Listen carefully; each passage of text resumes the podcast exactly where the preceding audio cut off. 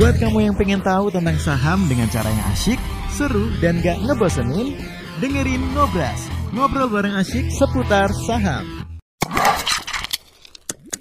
Are you ready? Here we go.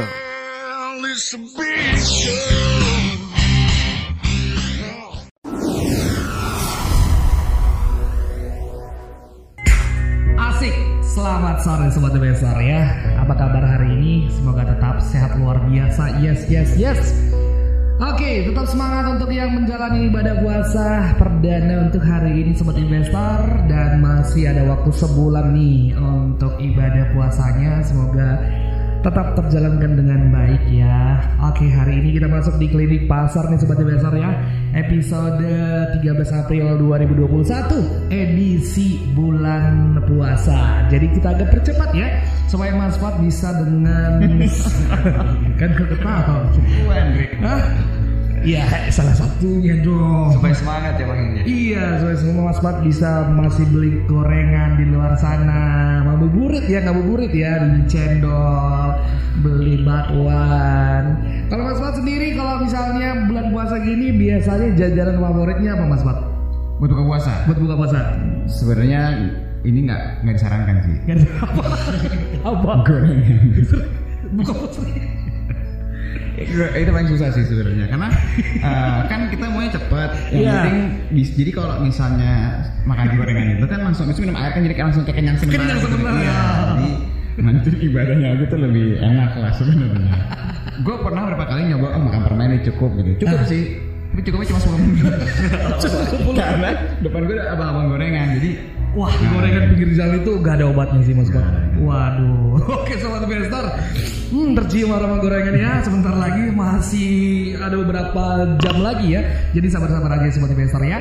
Hari ini klinik pasar bersama dengan Mas Pat Aliansa dan Brogil uh, sobat investor dan sebelum kita edisi tanya jawab, kita cek dulu kondisi market hari ini sepertinya ada perlawanan sedikit ya karena sempat ISG kita minus 1, minus 0,9an gitu sobat investor dan hari ini ditutup minus 0,36 nih sobat investor. Brogil, gimana kondisi IHSG kita kalau dilihat hari ini Brogil? jadikan ini dulu dong kaos dulu dong Oke siap, aku jadikan host tenang aja. Sudah? oke Sota sepertinya Gilbert agak kecewa sih sebenarnya kalau gue lihat Kenapa dia kecewa? jangan seperti karena dia pengennya nggak nggak ada perlawanan pengennya Lu parah lu Gil. Kok gitu sih Gil? ya karena dia dia punya posisi cashnya soalnya posisi menentukan sudut pandang kan Oh iya iya iya. iya. Oh lu punya banyak cash ya, kasihan deh lu. Aduh. Oke, oke Bapak Ibu. Jadi coba kita update mengenai pergerakan dari indeks kita pada hari ini. Sejauh ini indeks kita tadi uh, sempat penurunan yang paling terendah itu minus 1,09 nih Bapak Ibu. Sempat minus 1 minus 1,09 itu di sesi 2. Kemudian tadi ternyata keajaiban terjadi dan di sesi 2 ini akhirnya dia tutup minusnya membaik walaupun nggak plus minus 0,36 persen. Nah sejauh ini memang kalau yang indeks kita ini masih ketahan di area supportnya Bapak Ibu. Jadi area support dari indeks kita masih di lipa- 5.800 sampai 5.840. Kalau masih kejaga di situ masih aman. Cuma memang kalau dia udah di bawah situ udah nggak aman nih Bapak Ibu. Kenapa? Karena dia udah mulai keluar dari fase konsolidasinya nih. Jadi kalau misalnya Bapak Ibu perhatikan sejak awal tahun 2021 indeks kita ini konsolidasinya konsolidasi yang agak lebar kalau misalnya kita perhatikan. Nah, kalau dia keluar dari malah break support berarti dia keluar dari fase konsolidasinya bukan naik malah turun. Nah, ini yang agak bahaya sebenarnya di indeks kita nih. Kalau kita lihat dari penggerak dari indeks sejauh ini dari BBCA akhirnya dia pas di 30.000 sangat-sangat pas di 30.000 nih Bapak Ibu untuk si BBCA masih kembali pada plan kita yang kita bahas beberapa uh, yang sering kita bahas potensi paling dekat dari si BBCA ini mungkin 29 300 yang paling dekat untuk support paling dekatnya. Kalau itu nggak kuat ya bisa jadi 27 tapi ya kita tinggal perhatikan saya maunya market ini seperti apa.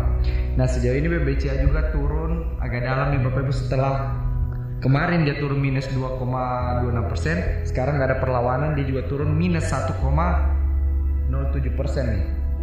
Minus 1,07 untuk si BBCA dan kalau selain BBCA BBRI sejauh ini juga belum ada perlawanan sama sekali. Minusnya minus 1,19 persen tutupnya. Sedangkan kemarin itu 3 persen minus 3 uh, 3,22 persen. Dan seperti yang kita lihat kalau dari BBR ini paling mirip nih chartnya dengan yang ISG kita. Kemudian kalau kita lihat dari BMRI BMRI sejauh ini ya hanya BMRI yang mungkin cukup oke di antara yang perbankan. Yang sejauh ini penutupannya sama dengan pembukanya di 6300 walaupun tadi dia sempat naik tipis 0,79 kemudian dia tutup sama dengan pembukanya nih. Selain itu ada Telkom. Telkom sejauh ini hijau. Telkom sejauh ini yang menahan indeks. Kalau yang kita lihat nih 0,60% dia tutupnya hijau. Walaupun sempat tadi minus 0,30%. Nah sejauh ini pergerakan Telkom masih aman-aman saja nih Bapak Ibu. Karena dia masih tertahan di area supportnya di 3003 3250 sampai di 3300. Selain Telkom ada Astra. Astra sejauh ini memang lagi nahan indeks. Astra sejauh ini lagi nahan indeks. Dia tutupnya sama dengan pembukanya tadi dan walaupun tadi dia sempat naik 1,97 persen. Sedangkan Unilever sejauh ini memang nggak ada perlawanan sama sekali dari Unilever, turunnya minus uh, 1,58 persen nih. Jadi kalau secara keseluruhan ada beberapa saham yang menjadi penopang indeks, penahan penurunan indeks. Ada di sana Telkom yang naik tipis, BBR, BB, BMR yang nggak ada perubahan dan kemudian juga dari si Astra tadi yang nggak ada perubahan nih Bapak Ibu. Nah kira-kira apa yang berpotensi terjadi besok ini? Kalau melihat dari ciri-cirinya sih mungkin ada penguatan tapi karena ini kan dia berada di area support, berada pas di area support, candlenya juga ini lumayan. Kalau yang kita lihat dari candlenya kemungkinan besok akan ada perlawanan nih. Tapi kembali lagi, kalau seandainya besok dia ada perlawanan, selama dia belum konsisten, belum konsisten ke atas area 6200, berarti kita bisa bilang bahwa supportnya itu masih valid di 5840-an. Nah, jangan sampai terburu-buru nih Bapak Ibu. Jangan. Mungkin besok mungkin besok ada perlawanan dikit, besoknya lagi ada, besoknya lagi ada, kita nggak tahu nih. Tinggal diperhatikan selama dia masih membentuk titik tertinggi yang lebih rendah, berarti masih technical rebound kalau dia masih sudah membentuk titik yang tertinggi lebih tinggi, potensi untuk balik area ini semakin besar nih Bapak Ibu.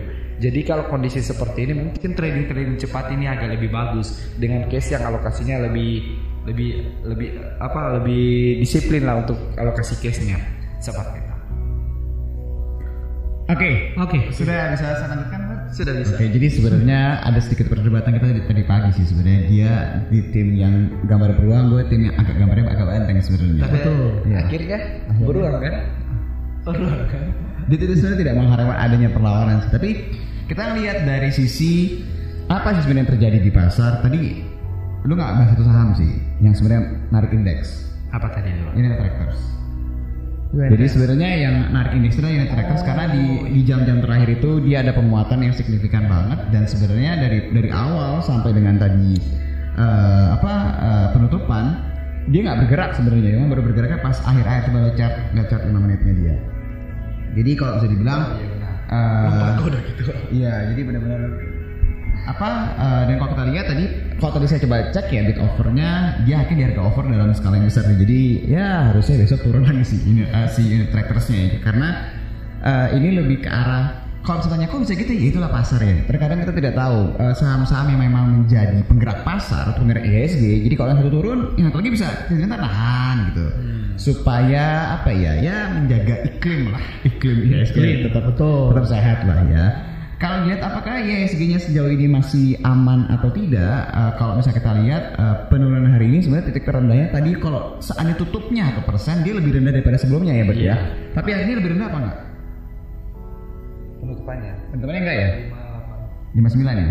Ya 59. Jadi atau hampir sama persis ya beda tipis lah, beda ber- 10 atau 20 poin lah dengan saya dibandingkan eh, terendahnya dia yang terjadi itu kalau nggak salah dua minggu yang lalu lah, hampir dua minggu yang lalu. Jadi kalau lihat apakah ISG ini potensi turun dalam atau naik kencang belum kelihatan. Mungkin kalau dilihat kalau seandainya di luar sana tidak ada turbulensi ya, lebih ke arah mungkin sideways dulu nih, lebih ke arahnya. Cuma kalau kita lihat perbankannya ini yang agak-agak nggak kuat sebenarnya. Sebenarnya ada cerita apa sih yang bisa berpengaruh sama perbankan? Salah satu yang ditunggu adalah rapat Dewan Gubernur yang nanti akan diadakan sama BI ya eh, Bank Indonesia atau ngomong gampangnya bank sentralnya di Indonesia itu itu akan diadakan nanti tanggal 19 sampai dengan tanggal 20 April 2021. Jadi setiap bulan itu emang ada rapat dewan gubernurnya Bapak Ibu ya. Itu salah satu agenda yang ditunggu adalah penetapan berapa referensi untuk suku bunga Bapak Ibu atau yang bisa dikenal dengan uh, reverse repo rate ya. Nah, ini kalau seandainya dinaikkan pasti pasar akan akan kaget lah. Ya itu nggak bagus buat perbankan.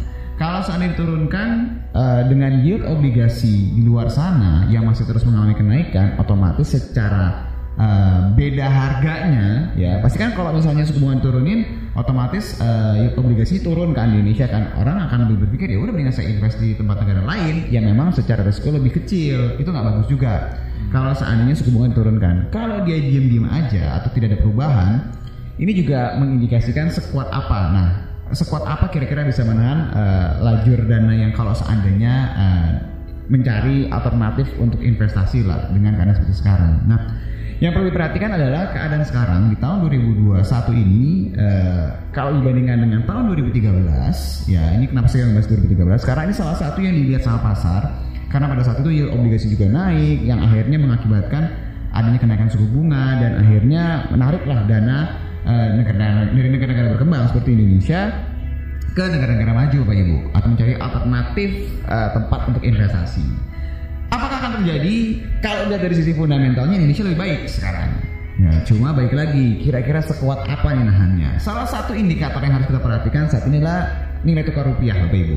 Jadi kalau misalnya kita lihat nilai tukar rupiah tadi itu saya cek sekitar 15 um, 5 eh 14 ribuan 14 ribu 500an lah hampir 14 ribu 600 Bapak Ibu. Nah, terakhir titik terendahnya uh, US dollar terhadap uh, rupiah itu ada di 14.700an di mana saat itu Bank Indonesia melakukan intervensi. Nah, kalau kita lihat harusnya akan ada intervensi rapat Dewan Gubernur sudah dekat, mudah-mudahan tekanan jual yang ada saat ini bisa segera mereda Bapak Ibu. Kalau seandainya tidak terjadi sesuatu di luar sana. Kalau mengenai masalah COVID, semua orang sudah tahu. Uh, salah satu yang kita lihat sekarang adalah India, ini menjadi salah satu epicentrum uh, karena memang penyebaran luar biasa. Tapi kalau kita lihat, sepertinya pasar belum merespon secara negatif karena tersebut. Jadi mungkin terlambat atau mungkin pasar melihatnya bahwa vaksin tinggal nunggu waktu aja. Jadi hanya nunggu waktu distribusinya selesai, otomatis bisa memperbaiki kinerja dari sisi ekonomi negara-negara yang mungkin kena imbasnya besar sekali karena COVID. Gitu Bapak Ibu. Jadi gimana nih? Turun atau Apanya? Hari ini kan beruas. Nah, jangan gitu Bil. Ya kan turun kan. Oh, iya. Oke, Oke. siapa yang mau bertanya terlebih dahulu? Siapa yang mau bertanya terlebih dahulu? Kayaknya Selamat. dari ini Pak. Kayaknya dari penyiar kita dulu nih Pak. Saya tadi masih lima menit dia bilang, ah kok lama sekali dia bilang katanya. gaya-gaya. Tadi kau bilang. Itu sambil menunggu yang ada yang open mic atau yang tadi ada yang chat sih Indrik di YouTube eh, Bu Dinda ya. Halo Bu Dinda, apa kabar Bu Dinda? Tadi katanya mau ke Zoom, nggak tahu nih sudah masuk apa belum. Bisa dong Bu Dinda, bisa masuk Bu Dinda segera langsung beralih ke Zoom aja ya Bu Dinda. Halo, Halo, selamat sore. Iya, itu Dinda aku. Itu nama Iman. Iman. Oke, Bu Risa. Halo Bu Risa, apa kabar Bu Risa? Nama berjumpa. Lama gak ketemu sama Bu Risa nih. Paling rajin nanya ini. Enggak mau, senang rasanya Bu. Kenapa sih Indrik kalau Bu Risa nanya, terus nanya seneng? Itu gimana? Suruh dia mau eh. Oke. Coba kita kita lihat Esa yang terlebih dahulu. Ibu ada posisi atau belum ada posisi sekarang? Ada posisi Oke. di Esa Di harga berapa Bu kalau boleh tahu? 92. Bisi-bisi aja. Tiga tiga sembilan dua bu atau? 92 apa 392 Bu? Bilang di ini 392. Oh 392 sih kan 92 karena 92, sekarang Mas Mat. 90-an. Ibu baru masuk tadi ya bu ya? Kalau 92 mah nggak perlu nanya. Betul betul betul betul betul betul. Jangan marah-marah dong. Kok nggak boleh gitu Mas? Gak boleh gitu Mas. Ibu tadi masuknya hari ini apa kapan Bu? Kalau boleh tahu. Hari ini maksudnya. Oh karena ekspektasi tadi ini ya ada ada ada, ada kenaikan ya. Pergerakan ya. Hmm. Gimana dari sisi chartnya? Bet? Saya sambil coba cari eh, dari sisi fundamentalnya. Sebentar ya bu ya. Oke bu, Eh, jujur kalau dari si ESA ini memang sejauh ini pergerakannya masih aman-aman saja nih bu, masih aman-aman saja. Cuma memang agak kurang ini nih karena tapi yang yang yang, yang menariknya dari si ESA ini dia masih ketahan di area supportnya nih bu. Kalau misalnya kita perhatikan untuk yang area support dari si ESA ini kan di 3 370 bu. Kalau dia masih kejaga di 370 bu masih aman. Soalnya kalau dia udah di bawah 370 takutnya dia malah ke sini nih bu area selanjutnya di area yang di 350 nih di area 350 nah tadi itu sebenarnya area masuknya ibu sebenarnya udah udah bagus bu udah bagus cuma yang kita perhatikan tadi itu pas di area resistennya bu. Nah ibu tadi masuk yang 390 itu pas di area resisten. Makanya kita kalau misalnya kita sempat bahas kalau misalnya harga itu udah mendekati area resistennya itu resiko untuk taking profit semakin besar bu. Maksudnya taking profit dari trader-trader lain. Ketika mereka masif untuk taking profit, nah itu harga cenderung akan dibawa turun. Nah memang tadi itu harga kebetulannya ada di area-area resistennya nih Bu. Nah sejauh ini pergerakannya memang masih positif Bu, cuma memang lagi tunggu momentum kuat aja nih. Cuma ibu tinggal perhatikan nih, kalau dia masih kejaga di 370, 370 masih aman Bu. Cuma kalau di bawah situ udah mulai nggak aman nih Bu. Karena kalau kita lihat ini penurunannya agak agak cukup mengejutkan sih dari 11% tiba-tiba jadi 3% nih Bu. Itu sudah. Nah ini kalau misalnya lihat dari berita yang terakhir ya Bu ya, ini sebenarnya ESA ini sempat kita bikin opini, tapi ternyata pas saya cek tuh Januari 2021 kita bikin eh, apa cerita tentang si ESA ini. Jadi sebelum dia naik ya. Eh, berita terakhir itu adalah mengenai masalah dia kan salah satu produsen amonia ya. Jadi kalau kita lihat di sini memang ada kemungkinan Jepang itu menggunakan amonia sebagai alternatif pengganti batu bara untuk pembangkit listriknya mereka. Jadi ada cerita ke arah sana Bapak Ibu. Eh, iya Bu ya. Ini biasanya kalau keadaan seperti ini, kalau memang permintaan yang meningkat ke depannya, harusnya prospeknya sih masih oke. Nah, sekarang pertanyaannya adalah Bu Risa, panggilnya Bu, Bu Risa berarti Bu ya, benar ya? Bu Risa. Sembarang baik. Ibu niatnya itu mau trading atau mau invest Bu? Kalau boleh tahu. Kalau di invest jangka panjang bagus perusahaan. Nah, gini, Sahamnya. Gini, kalau misalnya eh, apa yang berhubungan dengan komoditas ya, atau yang berhubungan dengan tadi cerita yang saya ceritakan tadi, ibu siap nggak kalau misalnya ada perubahan dari harga internasionalnya mempengaruhi eh, kinerja perusahaan itu berpengaruh, nanti dia naik turunnya signifikan, Budinda, eh Budinda, Budisa ini kira-kira kuat nggak dari sisi psikologisnya? Kalau seandainya ibu niat awalnya trading, misalnya gini, maksudnya niatnya trading gimana sih? Tadi tuh saya beli, karena saya ngeliat nih pas banget nih, tadi dia naik, terus dia stokastiknya gini gini gini gini gini. Nah itu berarti ibu niatnya trading. Kalau ibu dari trading berubah jadi invest, sebenarnya tidak ada yang salah. Cuma nanti pada akhirnya ibu jadi berharap, oh mudah-mudahan ntar dia naik deh kan fundamentalnya jadi bagus. Nah kalau niatnya trading nggak apa-apa bu, balik lagi ke trading ya. Tinggal ibu pasti ini kira-kira support kuatnya di berapa. Selama di angka itu, berarti itu artinya ibu aman. Nggak perlu ibu kurangi posisinya atau ibu nggak mungkin nggak perlu khawatir. Tapi kalau misalnya enggak kok saya dari awal emang mau niatnya buat invest, investnya berapa lama? Kalau sebulan itu kurang pas sebenarnya, itu lebih karena swing. Kalau ibu niatnya itu invest, misalnya, oh saya mau investnya mau dua tahun, lima tahun, saya udah cari tahu perusahaannya, itu lain lagi ceritanya. Nah, ibu Risa di tahap awal itu, kalau saya eh, kita niatnya mungkin tahap awal ibu niatnya, oh ya beli karena niatnya ini harusnya naik nih, momentumnya ada, bener nggak gitu bu? Betul. Nah, berarti Tapi kalau invest juga nggak apa-apa. Aku udah sudah nahan bulu juga udah lama. Ah, Oke, oke kalau misalnya ibu eh, ma- eh, mau tahan, sebenarnya juga nggak masalah juga sih ibu. Yang penting kalau seandainya nanti, misalnya saya tanya ibu, seandainya saham ini turun taruh deh bu ke tiga empat enam deh misalnya. Nah, ibu kira-kira, oh ya sudah, saya tahu kok ini oke, saya nanti akan nambah lagi. Ibu akan seperti itu atau aduh, Tipis-tipis. Atau- harus begitu. kenapa? Ya, harus diserap tipis-tipis kalau kayak gitu. Oh, saya kalau ya gimana? Aku kalau kalau udah kayak gitu untuk loss juga enggak sih. Jadi mending ditambah aja terus lagi diserap tipis-tipis. Hmm. Jadi jadi sebenarnya kalau misalnya ibu uh, kalau ataupun turun ibu nggak masalah ya. Mm-mm. Oke, coba kita lihat eh, dari sisi fundamentalnya, Mbak. Nah, kita buka aja nih ibu sambil lihat ya bu ya. Sambil kita buka.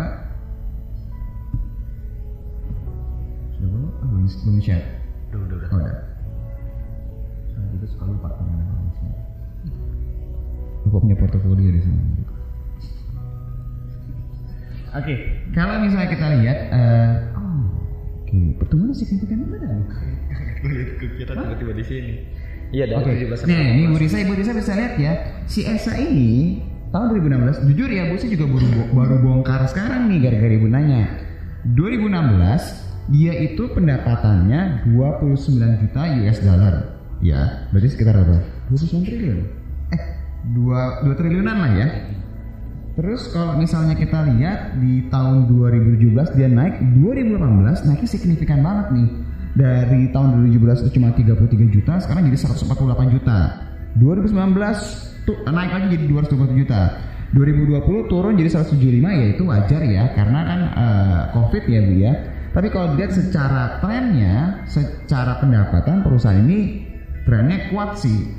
Kalau kita apa ya kita kesampingkan lah waktu covid kena, eh, covid tahun lalu. Kalau dari sisi laba operasinya, kalau ibu perhatiin, dia juga kecenderungan juga terus naik nih kecuali di tahun 2018 ke 2019 itu udah mulai turun. Kenapa dia bikin teknik sendiri sebelah sana? terus kalau oke, terus kalau misalnya kita lihat di laba bersihnya, ah laba bersihnya ini nih yang sebenarnya eh, tadi saya cerita bu, kalau ibu beli perusahaan yang sifatnya seperti ini, dia bisa pendapatan terus naik, tapi dia nggak bisa bisa mencatatkannya itu malah rugi, bukan untung.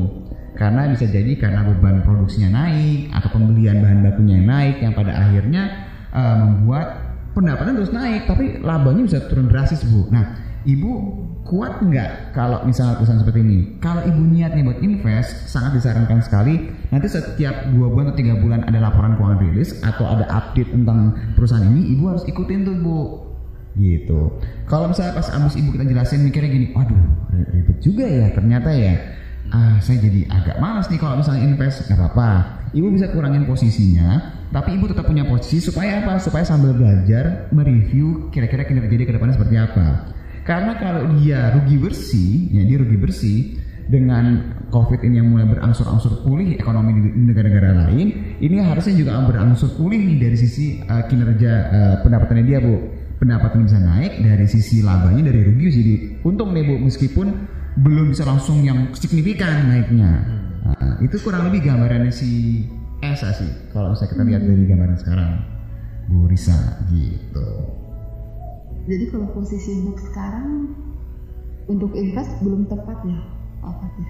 kalau misalnya kita lihat sekarang jelas secara kita ngomong dari sisi misalnya eh, penilaian perusahaannya secara sederhana ya ya. Kalau kita lihat dari sisi PR-nya, saya yakin PR-nya nggak segitu. Kenapa? Karena kan dia rugi. rugi. Jadi pasti dia minus. Coba dari sisi PBV-nya coba.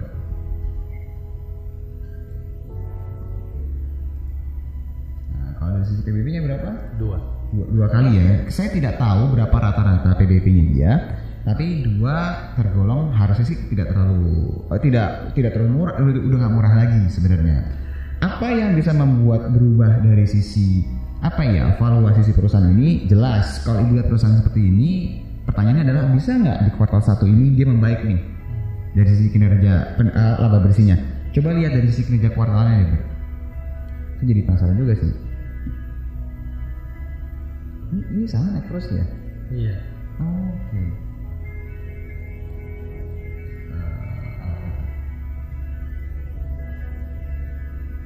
ini sambil kita lihat ya Bu ya. Kalau saya perhatiin sebenarnya kinerjanya itu Di kuartal terakhir nih pak. oh sebentar. Dia kalau kita lihat 60 60 60 oh justru malah sebenarnya kalau kita lihat kuartal satu masih oke kuartal 2 dia itu hanya naik cuma 30 cuma setengahnya kan berarti kan ber, Eh, kuartal 3 juga sama. Kuartal 4 membaik ya. Kuartal 4, kuartal 4 ini membaik sih kalau dibandingkan dengan eh, kuartal 3 ya kalau kita lihat ya coba kalau turun lagi Bang. Ya, bebannya berarti? Ada expense -nya? Iya. memang Oh, besar beban. Oke, beban Beban beban bunga. besar ya dibanding bunganya ya. Oh, oke. Coba kita bikin jadi setelan lagi. Ini saya agak agak lama maaf bentar ya Bu. Ini buat masih ini. Soalnya saya penasaran juga sama perusahaan ini. Coba interest expense. Oh, iya iya iya iya. Jadi kalau misalnya eh, kita lihat nih Ibu ya, dia dari sisi pendapatan harusnya setelah eh, kalau kita ekspektasikan global ini mulai membaik, ini pasti akan mempengaruhi kinerjanya dia, ya. Dan yang kedua adalah dari sisi beban bunganya sih sebenarnya. Kalau melihat dari kinerjanya dia ini salah satu yang memberatkan itu adalah eh, beban bunganya dia nih bu. Di tahun 2020 itu kalau misalnya dia digerak-gerakin ber, nah ini dia bergerak-gerakin itu adalah beban bunganya dia. Beban bunganya sendiri itu 36 juta US dollar. Sedangkan laba operasinya nggak laba di 2020 minus. Kalau ibu lihat di tahun 2019 laba operasinya itu yang 23 juta US dollar, tapi beban bunganya 38 juta. Jadi sebenarnya eh, dia nggak hanya masalah dari sisi kenaikan harga yang signifikan naik turunnya ya dari sisi komoditas, tapi dari sisi kinerja keuangannya ya biaya beban, bunganya ya lah. Interest berapa ya? Iya, beban bunganya ini agak besar bu. Jadi sebenarnya kalau untuk perusahaan seperti ini, mungkin cerita yang menariknya itu adalah kalau dia bisa nurunin beban utangnya sih. Dia berapa? Ber? Kan dia juga udah akuisisi nih kan pak. Oh dia bisa akuisisi ya? itu. Oh, Yang untuk aset-aset motor. Tapi memang akuisisinya itu ini untuk yang masih masih pengendali. Ini kalau Afiliasi. lihat kalau nggak ceritanya seperti ini, dia punya potensi aksi korporasi sih kalau dilihat. Karena dari sisi DER-nya dia 2,45, dia habis akuisisi, terus pendapatannya belum sepenuhnya pulih dari maaf bukan pendapatan dari sisi beban bunganya itu memberatkan dia. Jadi harus ada sesuatu yang ibaratnya apa ya eh, ngerestruktur lah supaya nurunin beban bunganya dia. Kalau melihat harga sahamnya naik terus tapi pernya itu minus, bisa jadi ada indikasi akan ada aksi korporasi sih bu. Kalau lihat seperti ini. Kalau ibu niatnya nanti mau apa cicil-cicil lagi, mungkin nyicilnya jangan buru-buru sih bu. Ya agak jauh aja bu, bu, Risa nunggunya. Jadi nggak usah buru-buru gitu. Jadi kalau seandainya ngomong jeleknya, wah besok turun lagi nih, dimin dulu aja bu, nggak usah nyampe dulu. Sampai nanti mungkin kisaran-kisaran ya kisaran 300-an gitu misalnya. Bukan bukan saya mendoakan turun ya, bukan mendoakan turun ya. Tapi kalau ibu mau nyicilnya agak lumayan, lebih baik nunggunya agak agak nanti sih, jangan sekarang. Gitu bu Risa. Iya. Kalau dia turun ditunggu turun banget gitu ya. Kalau saya nggak tahu, ibu sudah masuknya dalam skala berapa banyak, tapi yang jelas eh, yang ibu harus perhatiin adalah ini kalau seandainya dia eh, masih potensi masih turun, turun, turun, turun, ibu mau sekalinya nyicil itu lumayan, nurunin average-nya, ada baiknya agak nunggu gitu. Karena dia kan lagi sideways nih sideways dia kan pasti harusnya ketahan di 350-an nah harusnya kayak gitu kan. Kalau dia nggak tahan di 350-an ibu jangan ambil posisi dulu. Kalau buat average atau buat nambah. Gitu. Biar dapatnya harga lebih murah sekalian bu. Kayak Gilbert lah saya juga belajar dari Gilbert. Dia apa maunya nyicilnya tuh seharga bawah mungkin gitu. Akhirnya ditinggal ya. Orang paham. Sama kayak merasa gitu Bu Risa. Suka dicicil. Ya paham pak. Semangat Bu Risa. Ada, ada lagi bu yang tanya bu Aku. Tadi gue sama malu Bu. Halo. Iya iya iya. Uh, langsung dipotong nih. Oke. oke oke Bu Ah, siap Bu Risa. Kalau ada apa-apa kabarin lagi ya Bu ya. Iya, Bu. Kita siap ya. oke 24 jam ya. Senang aku kalau Bu. Ini dengan siapa? Eh, Mbak- Halo, Om San, Om Son Darius. Iya. Oke, Pak. Halo Pak Darius. Buka Siap chat Darius. di mode kayak gitu, jangan di mananya diambil ya. Oh, siap Pak Darius. Coba Pak Darius kita buka dari awal ya. Saya pakainya langsung chart yang di komposit sini pak. Kan kalau yang di atas ini, yang di bagian atas ini kan yang ada chart. Ini chartnya terbagi dua nih pak, komposit dengan teknikal. Nah kalau yang saya, kalau saya misalnya pakai itu yang di komposit pak, jadi langsung diklik aja yang kompos, yang chart di komposit pak. Sebentar ini salah salah pencet saya. ini. Tergantung selera ya. Iya tergantung selera pak.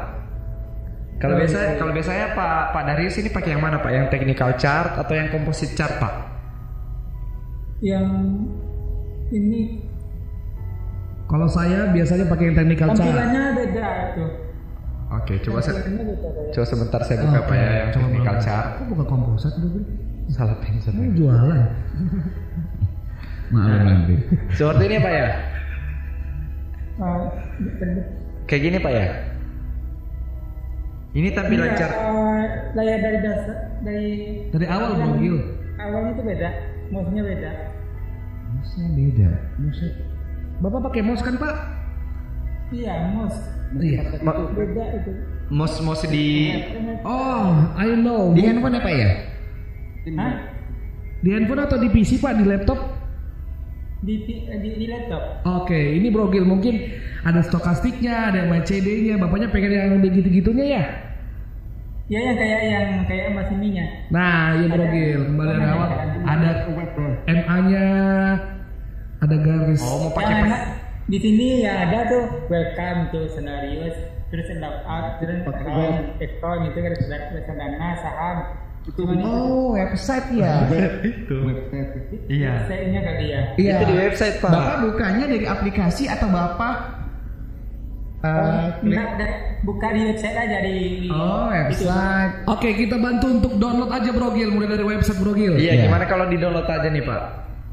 Oh di download ya. Iya, Bapak, biar sama kayak Brogil nih, Pak. Kalau downloadnya apa itu? Nah, Nah, Oke. kita pandu ya Pak ya. Ya, jadi coba dibuka dulu Pak mos.co.id. Ya. Go.id. Ah, terus muncul nih Pak ya. Iya ada. Ah, langsung klik nih Pak yang unduh sekarang. Nggak trading most go.id itu terus. Ah, langsung. dashboard itu. Nah, langsung ini kan muncul ini Pak yang di di samping di sampingnya daftar sekarang. Baca dua P2 itu. Ah, Bapak boleh dari awal dulu Pak, kita buka dari yang www.mosko.id dulu Pak. Karena sebenarnya di tampilan depan itu Bapak bisa langsung download Pak. mm-mm. Iya trading di most.co.id keluar di bawahnya kan. Bukan Pak, Ah, websitenya itu adalah www.mos.co.id Pak. coba Pak, Iya. website dulu masukin Brogil. Yang atas Brogil. Ulangin Brogil. Ini- Nah, ini tulisannya Pak, ikutin ya Pak ya. www dot Iya. most dot co dot id. Iya, iya udah. Oke, enter Pak. Kita enter. Iya, keluar mah aplikasi investasi ya. Ah, coba Brogil. iya, iya benar. Iya, Ya, betul tam- pintar bapaknya. Tampilannya seperti ini Pak. Sama kan Pak? Kalau dia ya. Pak Belum belum dulu dibuka kali ya. Ntar dulu. Oke, tunggu sampai dia terbuka ya Pak setelah Bapak Oh ngetik. iya iya. Iya, ada. Baru ada tulisan Pak yang di agak di bawah di sampingnya daftar sekarang ada itu unduh sekarang Pak. Oh iya unduh ya. Iya, Ya, unduh, tinggal Pak. diklik unduh itu Pak. Iya jadi save save file ya itu ya. Ya, baru tinggal save, Unduh Brogil. save file. Ah, tinggal diklik deh Pak sambil download tuh. Kalau udah kelar baru dibuka Pak, di ah, diinstal. Cara installnya Iya udah Brogil. makasih ya. Iya Pak. Iya. Terima kasih Mas. Iya Pak, Sama-sama sama-sama. Pak. Sama-sama Pak mantap Bapaknya. Semangat ya Pak ya. Kita bisa trading bareng ya Pak. Iya terima kasih. Nanti Bapak bisa analisa lebih detail lagi, jadi nanti bisa ngambil keputusannya kayak Gilbert nanti jadinya Pak. Soalnya kayak Bang Hendrik Pak. Jangan. Jangan. Pak. Teman trading kita Nanti kita trading bareng ya Pak ya. 24 jam. Tolong parah. Oke. Ah, jangan takut Bapak Ibu ya, jangan harus jadi orang yang nyebelin kalau kata Pak Antoni.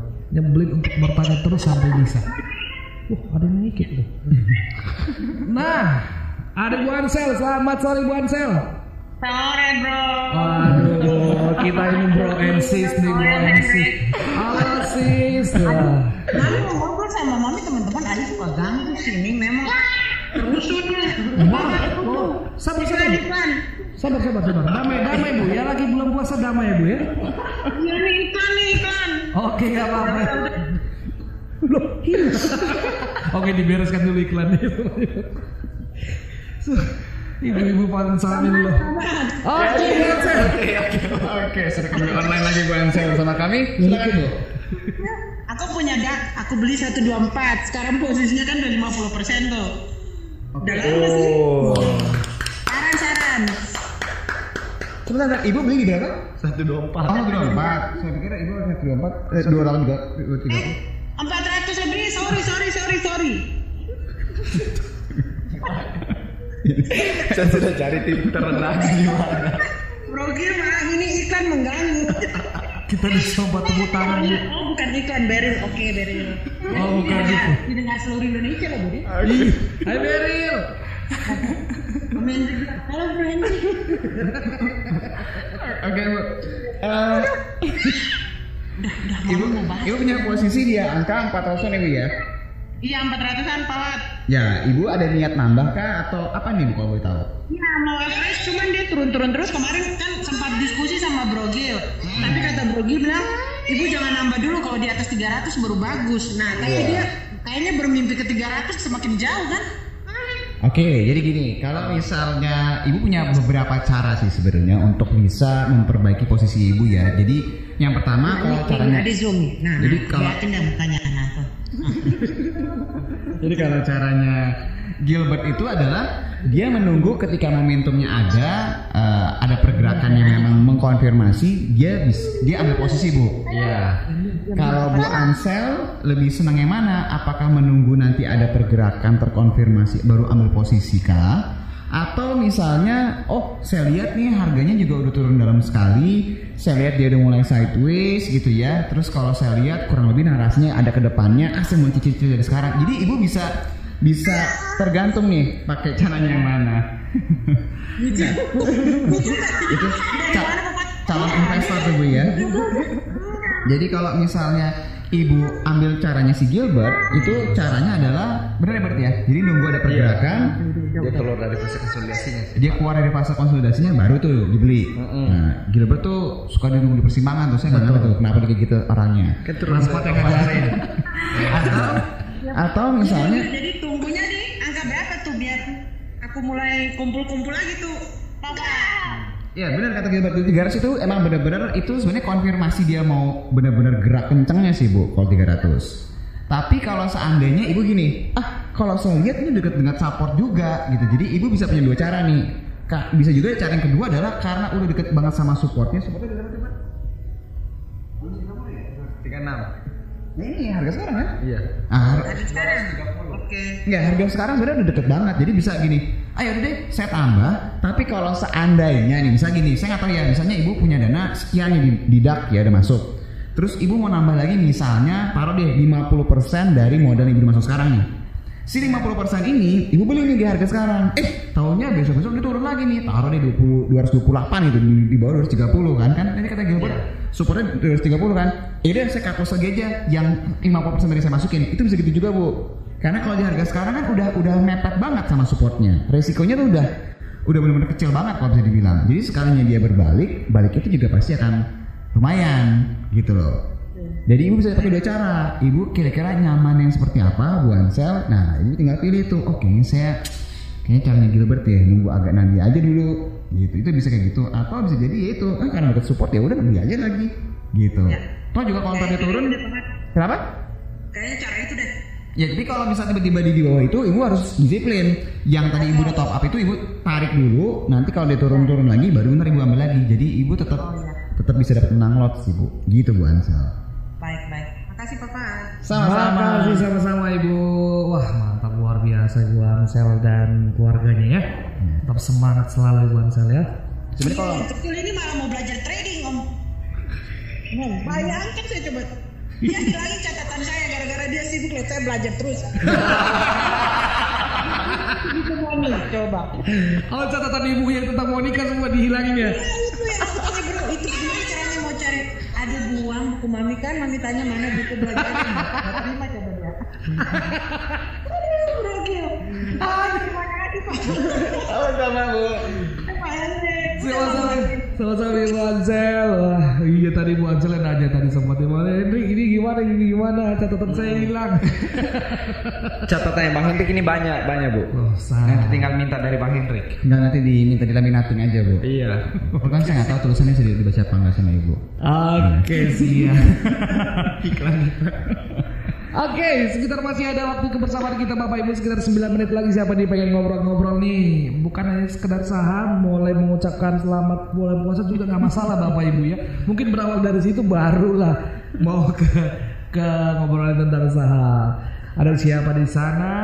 Selamat sore semuanya Kan sambil nunggu ya, Hendrik ya. Tadi kan sempat ngebahas DAK ya. DAK itu sebenarnya terpengaruh dari sisi mall yang mulai dibuka, mulai rame ya.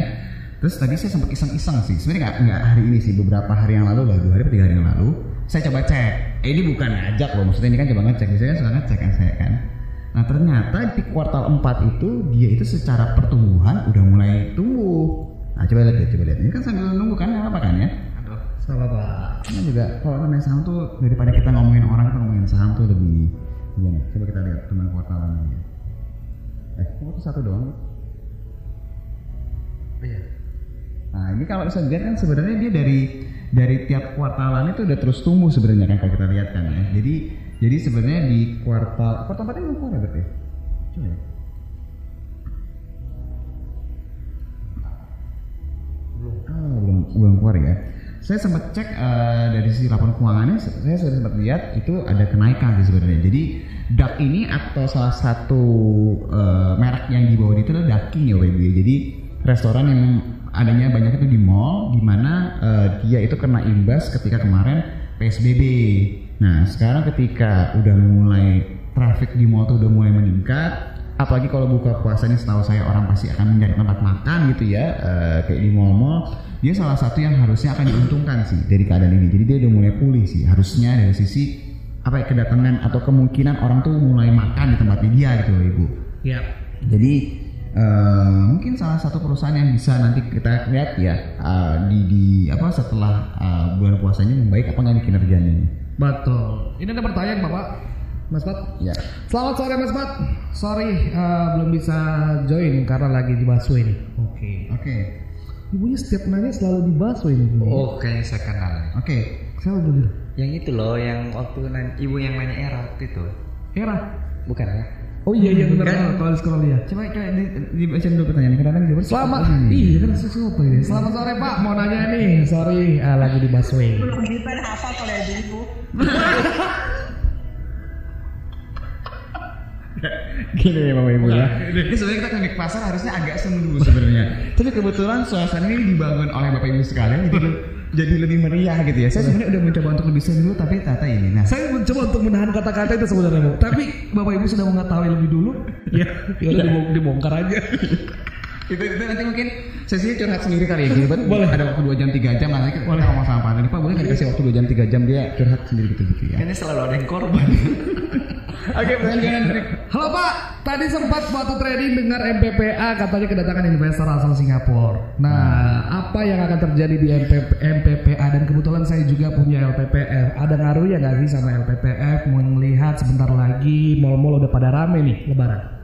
Oke, pertama yang saya mau pastikan adalah ini pertanyaan Bapak atau Ibu ya, bukan pertanyaan Hendrik ya. Oke, kalau misalnya mengenai MPPA masalah kedatangan investor ini, ini bukan berita baru sebenarnya. Ini sebenarnya berita yang kalau boleh dibilang cinta lama bersemi kembali lah, kalau saya boleh bilang. Kenapa? Karena ini berita lama. Sebelum MPPA itu mengalami kenaikan signifikan dari harganya masih sekitar 200-an, berita itu muncul sebenarnya. Di bawah 200 seingat saya malah.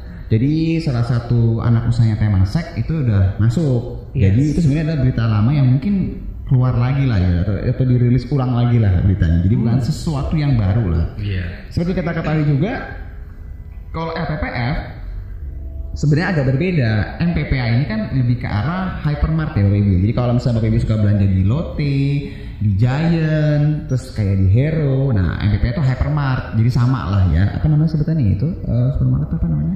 Hypermart, hypermarket ya? Eh, bukan.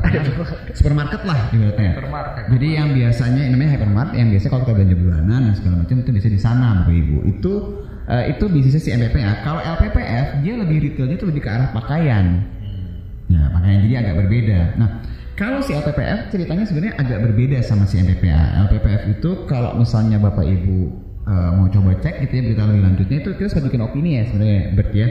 Opini tahun lalu apa ya? Dulu opini. Dua opini dua, dua opini dua, dua opini di YouTube tuh ada. Nah di situ kita lebih lebih menekankan nggak bahwa dia tuh lagi mencoba untuk efisiensi sih sebenarnya. Ada beberapa gerai yang ditutup memang mungkin tidak maksimal secara hasil atau bisa dibilang apa ya eh, mereka lagi mencoba merubah model bisnisnya sebenarnya Bapak Ibu. Karena apa? Karena seperti yang kita ketahui dulu dia sempat bikin yang namanya Matahari Mall setahu saya, tapi memang tidak terlalu besar imbasnya dan eh, mereka lagi mencoba mencari model bisnis baru lagi sih sebenarnya untuk bisa na- naikin dari sisi potensi pendapatannya dia.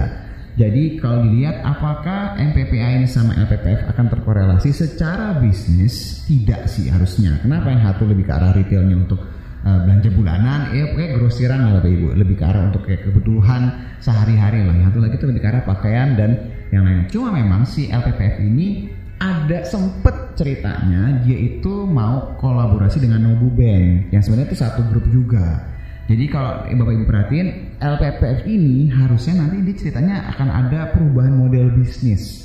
yang yang sejauh ini belum kita dengar sih. Dia masih ya efisiensi, ada yang dikurangin gerainya lebih ke arah sana. Nanti setelah dia udah pastikan apa model bisnisnya, normalnya dalam beberapa waktu ke depan dia itu nanti akan mencari pendanaan tuh. Karena kan dia berubah model bisnisnya kan. Ini kalau dilihat-lihat ya pasti berhubungannya dengan yang merchant-merchant berhubungan dengan apa transaksi-transaksi yang berhubungan dengan Shinobu Bank. Saya nggak tahu kalau OVO-nya soalnya OVO-nya itu sekarang si grup Lipo-nya udah nggak mayoritas ya. Udah.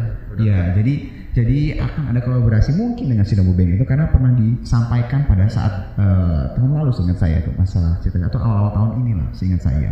Jadi agak beda bu si MPPS sama si APPF ini. Nah, caranya gimana bu APPF ini? Oke.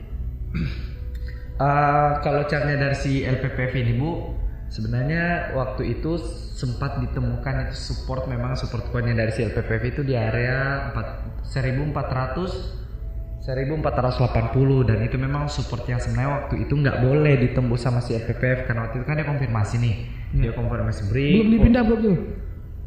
sebentar Kalau marah-marah sih. Iya jangan marah-marah dong.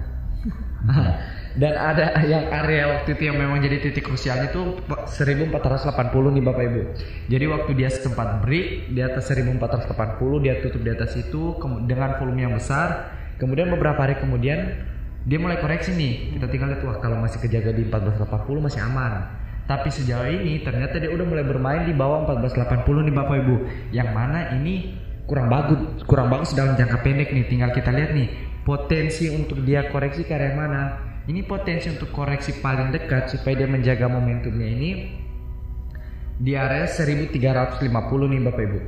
Ya Ibu. Kalau misalnya Ibu belum punya posisi dan memang pengen untuk ambil di LPPF bisa nih untuk antri-antri lagi di dekat-dekat ARB-nya nih di 1350. Boleh kan Bapak? Boleh. di 1350 jadi kalau dia masih kejaga di sini sebenarnya di sini area menarik yang lebih yang potensi untuk ininya sih untuk koreksinya sejauh ini. Di lima- 1350 sampai di 1430 nih Ibu 1430 ini harga sekarang. Jadi kalau misalnya misalnya ibu udah punya posisi dan ibu pengen untuk nambah mungkin bisa di area-area sini ibu di 1350 kalau udah di bawah sini ya ini nih kurang bagus untuk si PPF kalau masih kejaga di sini berarti momentum trennya trend up-nya masih aman. Gitu ibu Betul. Semangat ibu ya. Oke. Oke. Karena habis waktunya ya. Habis ya? masih ada 10 Oh menit masih ada lah. 10 menit lagi. Oh itu ada yang itu. Selamat sore Om Mugi. Halo Om Mugi, apa kabar Om Mugi? Seru nih pertanyaannya nih. Iya. Bisa Silakan Om Mugi. Ayo kita ngobrol-ngobrol Om Mugi. Wah mantap nih Om Mugi. Dan ini pertanyaan yang gue pengen. Halo Om Mugi. Apa dulu. Selamat sore Bang, saya mau bertanya bagaimana bagaimana cara menumbuhkan rasa percaya diri dengan hasil analisa sendiri. Lagi di jalan Bang, siap Om Mugi ini pertanyaan luar biasa. Oke. Oh tapi ah, udah di unmute, Pak Mugi bisa ngobrol Pak? Oh oke. Lagi di jalan. Oke. Gimana cara bisa menumbuhkan rasa percaya diri? Coba mungkin eh, dari sisi sebenarnya kalau lu sendiri gimana? Biar bisa naikin percaya diri. Apanya? Pak, halo Pak. Oke. Oke. Jadi sebenarnya kalau untuk numbuhin percaya diri, baik lagi Bapak Ibu, itu kalau Latihan boleh ya, ya butuh waktu memang. Jadi terkadang misalnya gini, kita taruh deh, eh, kita ambil keputusan nih di suatu saham berdasarkan eh, chart gitu ya misalnya. Oke, ini di sini trennya naik, ini stokastiknya oke, MACD-nya oke, apa segala udah oke. Tiba-tiba pas kita beli, nggak berapa lama, nggak usah nunggu sehari, sejam kemudian ARB dia itu pasti kan langsung wah salahnya analisa saya nih wah ini nggak oke nih segala macam nih. Itu kalau saya boleh bilang sebenarnya proses ya pak. Jadi semua orang pasti akan mengalami hal yang sama. Bahkan eh, yang sering trading pun juga saya pun juga sering kok mengalami hal seperti itu itu sebenarnya hal yang biasa sebenarnya paling susah adalah bukan menumbuhkan percaya diri tapi menjaga psikologis sebenarnya karena ketika psikologis bapak terjaga otomatis bapak akan lebih percaya diri ya sudah biarin aja Cuma memang ada baiknya eh, percaya dirinya itu memang harus agak dijaga. Kenapa? Karena kalau memang kita terlalu yakin, biasanya itu kita akan melupakan hal yang bisa menjadi apa ya bumerang sebenarnya. Misalnya, oh bagus kok, oh apalagi dia punya posisi kan, oh bagus. Ternyata ada hal lain. Karena kalau kita punya posisi kan analisa kita jadi lebih jadi bias jadinya kan, jadi lebih apa lebih ke apa ya eh, nggak ada kayak nggak ada jeleknya lah perusahaan akhirnya. Jadi saya ngomong apa adanya aja. Jadi memang yang paling susah adalah bukan menemukan percaya diri tapi menjaga psikologis dulu pak psikologis dapat terjaga? Bapak nggak mimpi grafik bapak tenang bapak pulang kerja juga nggak pusing sampai rumah atau mungkin pas lagi ngobrol sama temen nggak kepikiran saham yang di hold. Itu berarti secara psikologis bapak sudah jauh lebih tenang.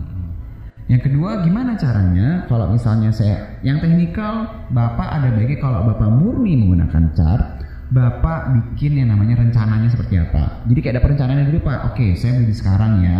Harganya harga sekarang. Sekarang berapa harganya? Oh, sekarang harganya misalnya 1400. Di mana supportnya? Oh, supportnya harganya 1000 di 1400. Oke, 1430 harga sekarang, 1400 supportnya. Itu support kuat apa support dekat? Oh, support kuat. Oke, support kuat nih. Berarti cuma 30 poin.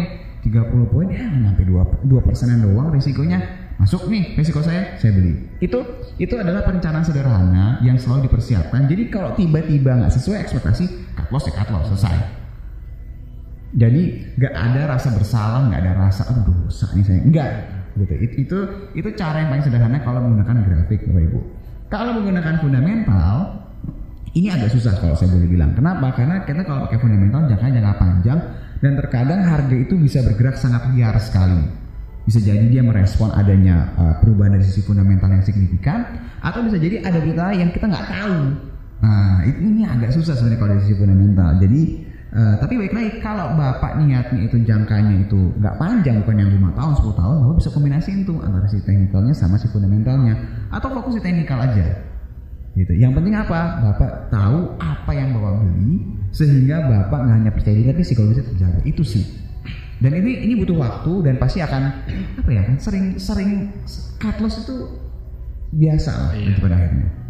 Gimana Pak namanya? Eh, sering latihan aja uh, Bapak. Jadi kalau misalnya semakin sering Bapak latihan, maka percaya diri itu akan tumbuh dengan sendirinya sebenarnya. Jadi kalau mungkin kayak satu kali, dua kali latihan, mungkin kayak mulai analisa sendiri nih. Oke, saya akan beli di sini dan saya akan stop lossnya di sini. Kalau misalnya analisanya itu mungkin masih keliru, mungkin bisa langsung dilihat lagi nih ke belakang nih Bapak Ibu.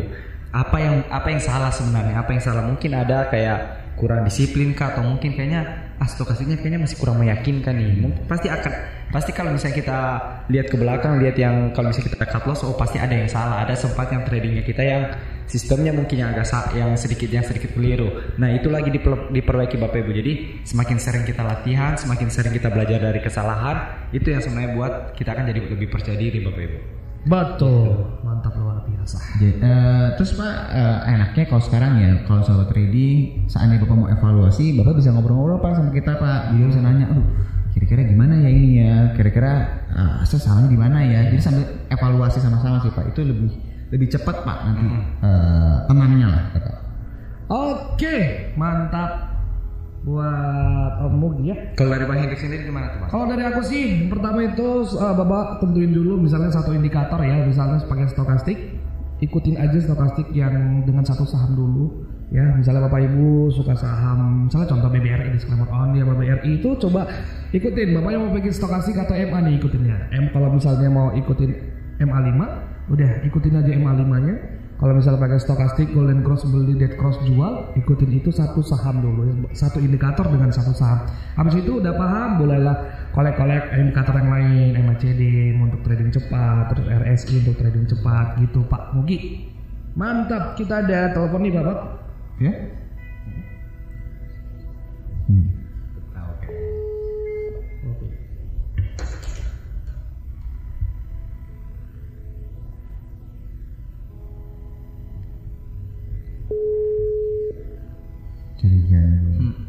Passwordnya Bukan. Ini member. member, member, member yang biasa sering di jalan.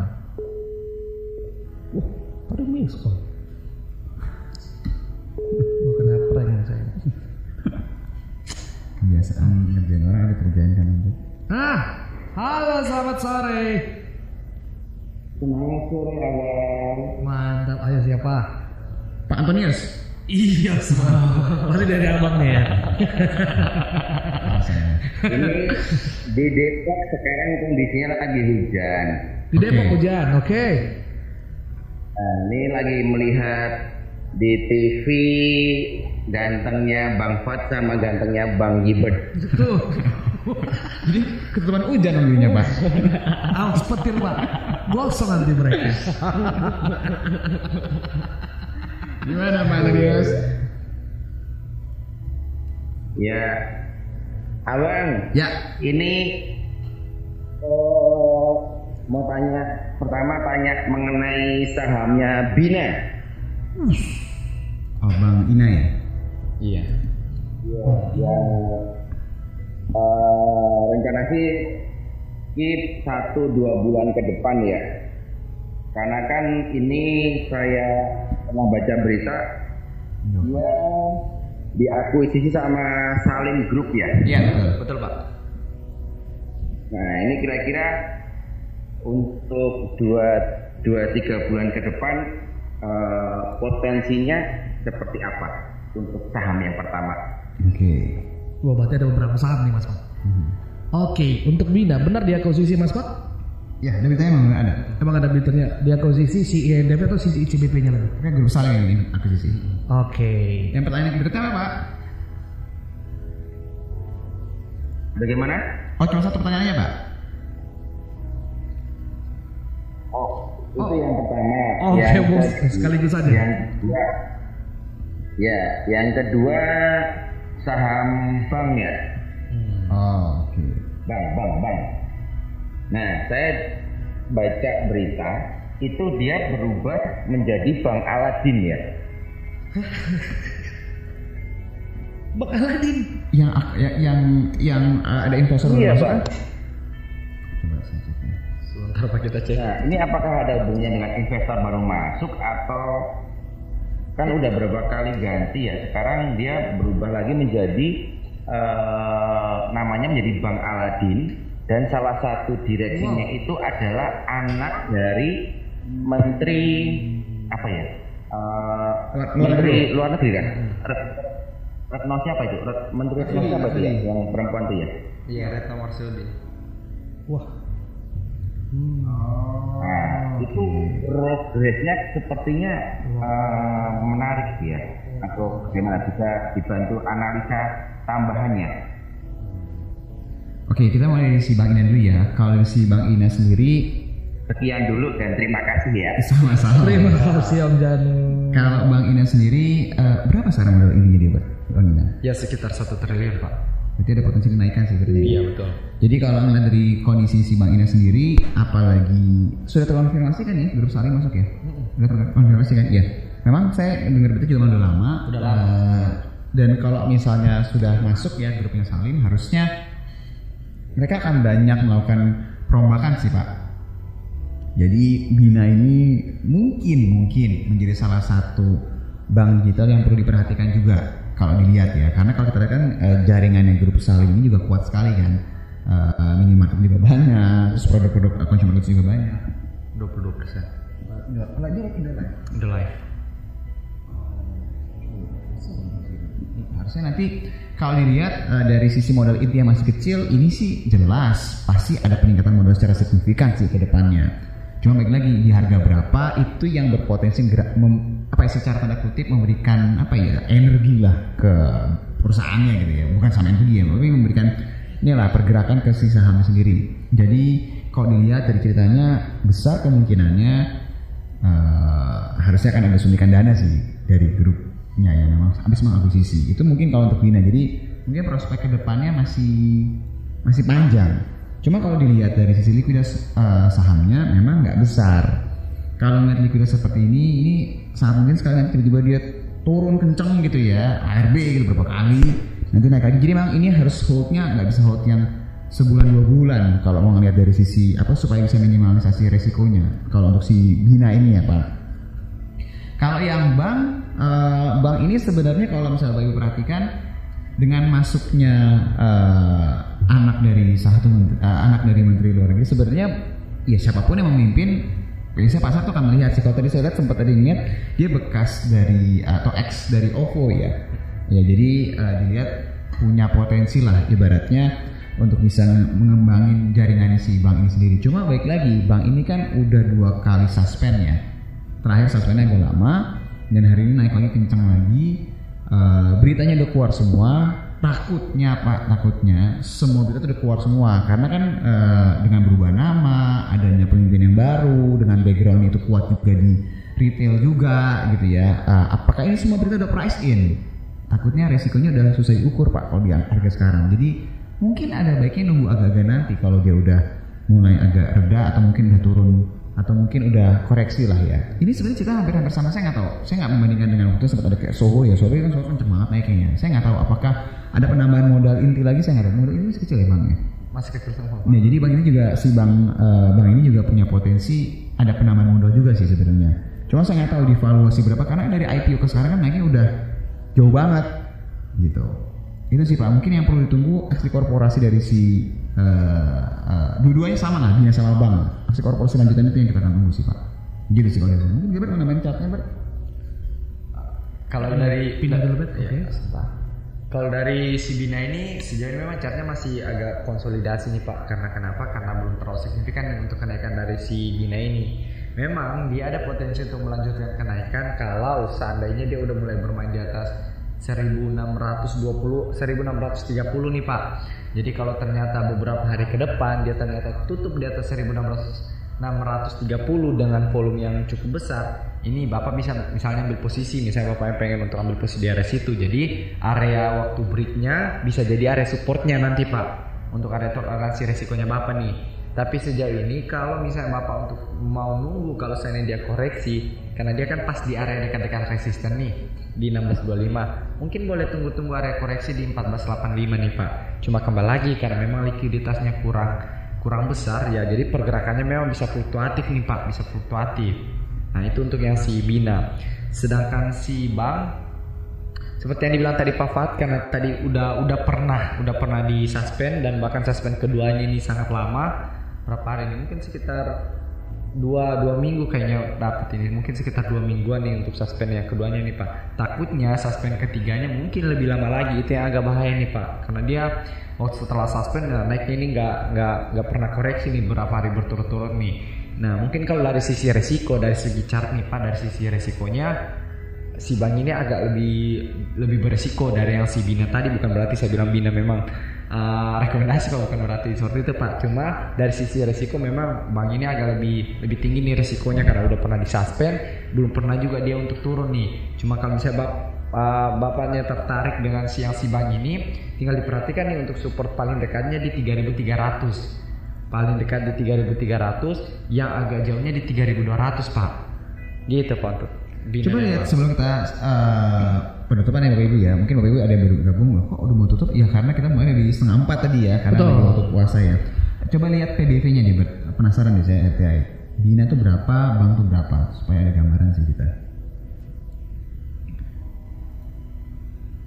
Oh dia baru IPO jadi nggak kelihatan ya. Binanya?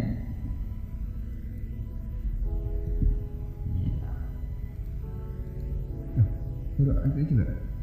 Enggak dong harusnya ya. Wah, ada pertanyaan Mas Pak. Apa? Apakah Bang melihat yang selama ini sama-sama menteri pada terbang Pak Pak? nggak tahu saya nggak nggak nggak- nggak bisa komen sih kalau masalah itu Wah, agak agak agak spekulasi jatuhnya ya. Agak spekulasi sih jatuhnya ya. tiga koma sembilanan ya iya jadi kalau si bang sendiri itu pakai September tadi ya belum muncul. Jadi agak susah sih dilihat sih. Iya.